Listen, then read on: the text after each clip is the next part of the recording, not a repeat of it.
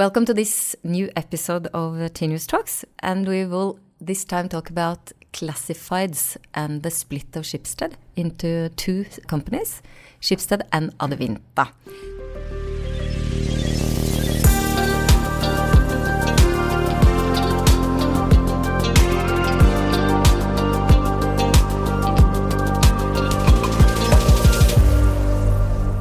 And to talk about this, we have brought in the, the new, brand new CEO of Adevinta, Rolv Erik Ryssdal. Welcome. Thank you very much. And Terje Seljeseth, who is a colleague of mine in Tinius Trust, but you're also part of the board of Adevinta. Welcome.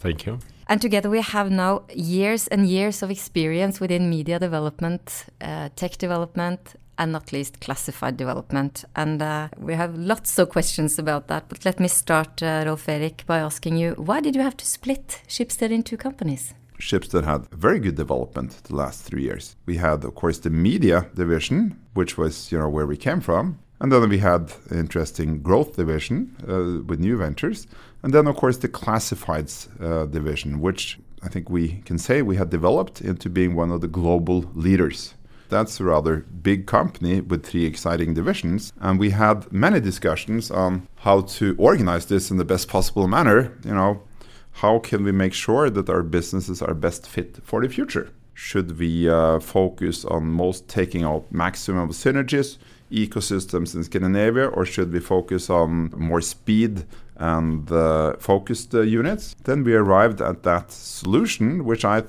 thought was, you know, a win-win solution where you actually have two strong companies, where you have Adevinta that will focus only on classifieds and continue to grow, take part of international uh, consolidation, and then I think you have the uh, the Schibsted, very attractive company, uh, both with the market concessions and, and also in all other respects.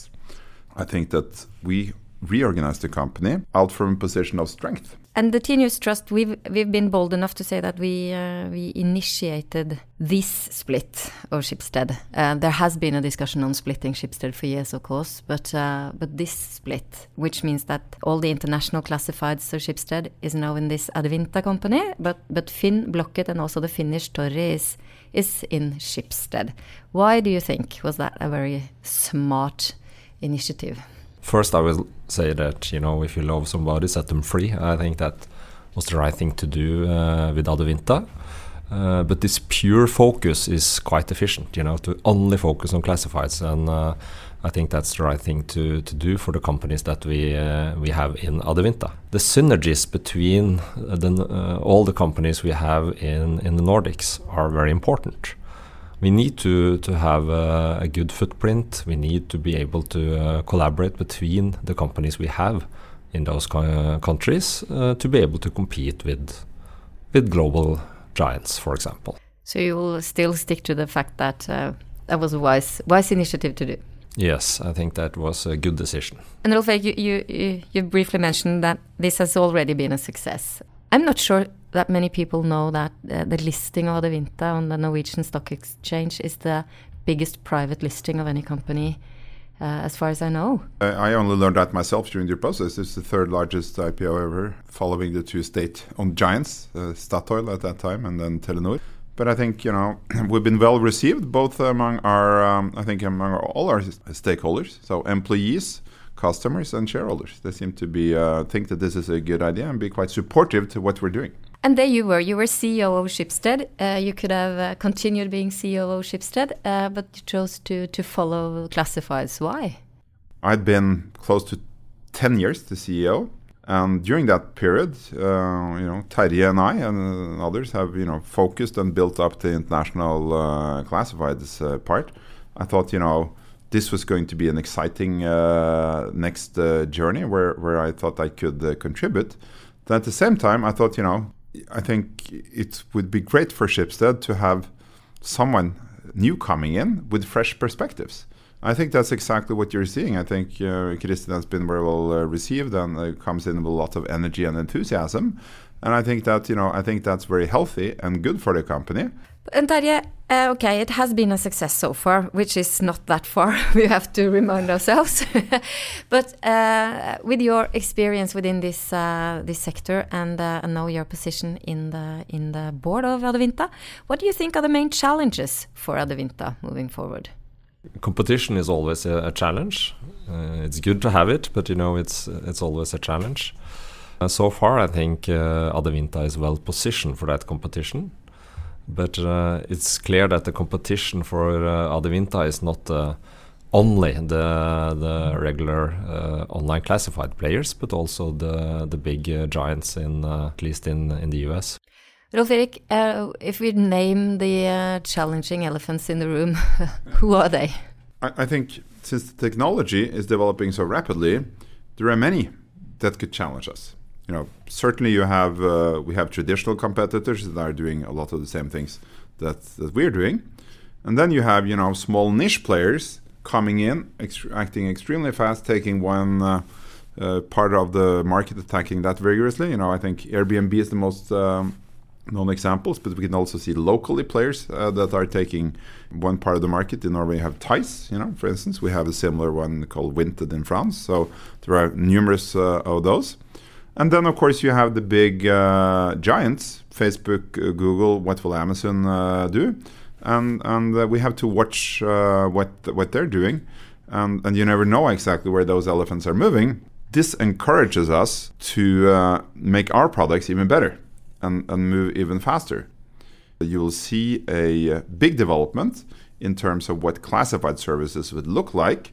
You know, so after this, I'm going to Paris, and I'm going to be present today at the big launch, I think around 1,000 people expected to be there, where Le Bon Coin, which is the French uh, uh, classifieds company in Adevinta, they will kind of launch, you know, the next generation Le Bon Coin. What we're launching now are personalized services. You know, you and I will get, based on our search history and, and, and so forth, we'll get the different proposals for what to uh, what to to buy, and then we have to take care of a much bigger part of the transaction as well. Then we will take care of of the payment uh, the shipping and delivery and everything.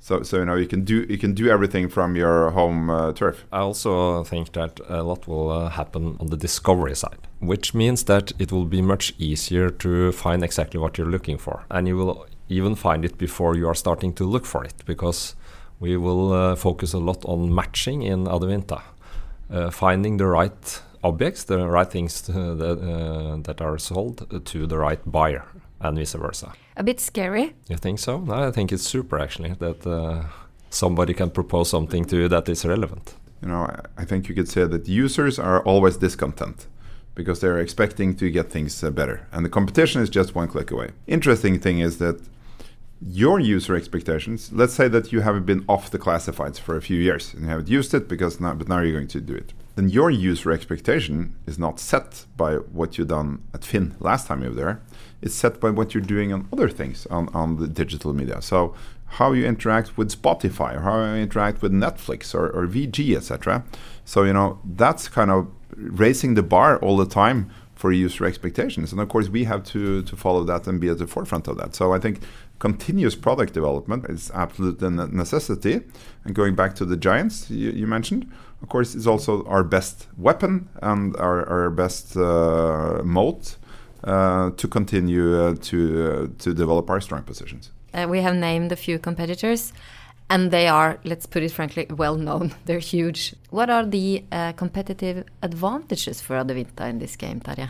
First and foremost, uh, you know, uh, yes, Google and the other players are super uh, strong brands.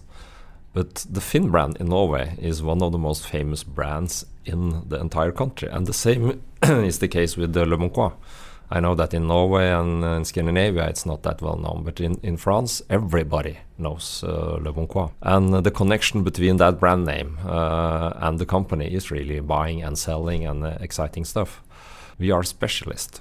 But behind the behind the the the trademark is, as, as you say, Rolv Erik, there has to be a digital muscle that is always developing. And uh, and uh, how would you describe those digital development muscles in Adevinta? I think we have a lot of uh, qualified uh, people uh, investing in product and tech. So we got a total staff of around 2,800, and half of them are, are involved in product and tech development. And we're continuing to hire. You know, another advantage that we have compared to the um, the giants is that we have much more boots on the ground. Uh, so we can more easily adapt to local seeds and, and you know uh, the local uh, countries. And so we're having this internal discussion: what should we then develop centrally, and what should we um, develop uh, locally? But but uh, but I think that's also an important advantage for us. And the huge picture here, Terje, is what what's the future of buying and selling stuff? We're, we're talking uh, about uh, circular economy be, becoming the future. Why uh, should circular economy become so attractive when we can always buy new stuff? Yeah, I think uh, that's a long discussion, of course, but uh, environment is more and more important, and uh, we see a lot of signs of that. The focus on environment and reuse will only increase in the future and to be in that part of the economy is super and that, that is actually something that we are starting to focus on now to also explain to the market what we are doing because we are saving a lot of uh, of uh, energy and, and other things uh, with our marketplaces and reuse. So you think you think uh, Adevinta and Schibsted should be more com communicative on on these uh, aspects of their business? Definitely, uh, and then you can say it's in, in a way we are lucky to to be in that business. We we didn't think about that in the beginning, I must admit. But this is a focus uh, among the employees uh, to a larger and larger extent. Yeah, it's much easier to attract talent. So You and I were in the management group together, and seven, eight years back, we received some proposal, but you know, classifieds, what are you doing for society? We have a little editorial that are defending democracy, etc. But what are you guys uh, doing? Uh, and then we started to, uh, and, and, you should. Uh, we had several proposals that we should give part of, you know, revenues to uh, homeless chi- children, etc., in other countries. And but we always knew that the second-hand uh, trade is good for society. And when we started calculating it together with the state-owned Swedish institute, we saw that the, the effects are enormous. And we're seeing that this is becoming incre- increasingly important, both for our uh, employees attracting talent, but also for customers. And even for investors, actually. Oh, that's interesting too. Yeah.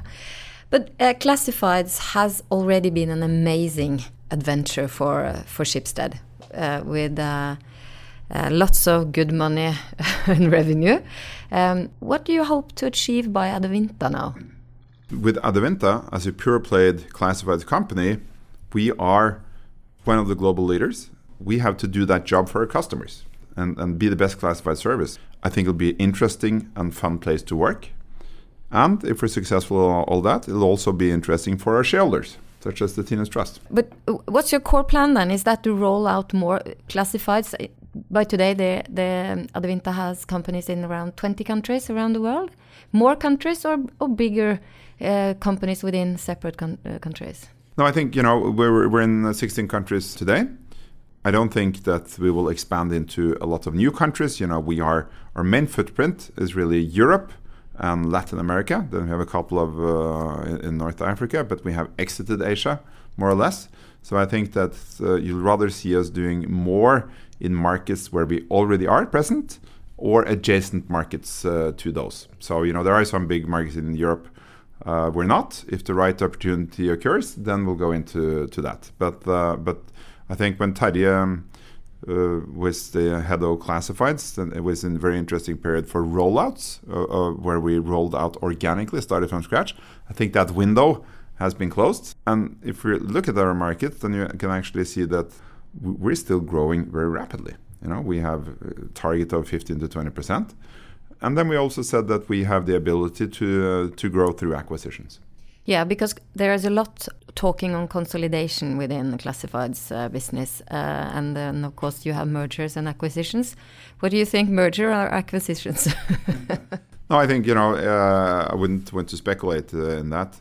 What I have said earlier is I think that Adevinta, with our setup, and with our listing and with our ownership structure, I think we are well placed to, to play a leading part in any consolidation that might come up.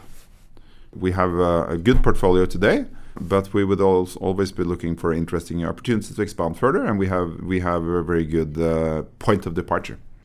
And final question, Terje, because Finn. .no then is not part of Adevinta. Uh, how do you think that will play out for Finn in the future, and also the Swedish Blocket? I think uh, they are, for the time being, developing very well, uh, traffic-wise and uh, yeah, in, in all areas actually. I, I think uh, they will uh, explore how they can uh, make the user journey or the user experience better for people in in the Nordics.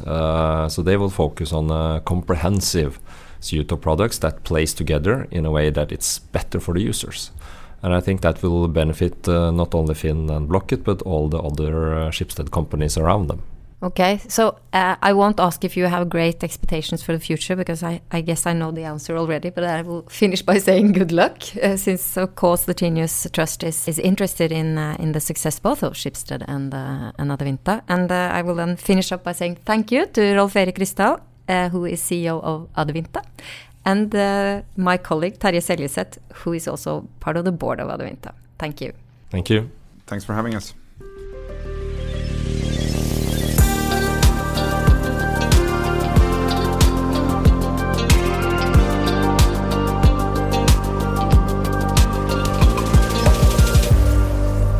This podcast is produced by Hansine Korslien for the Tinius Trust.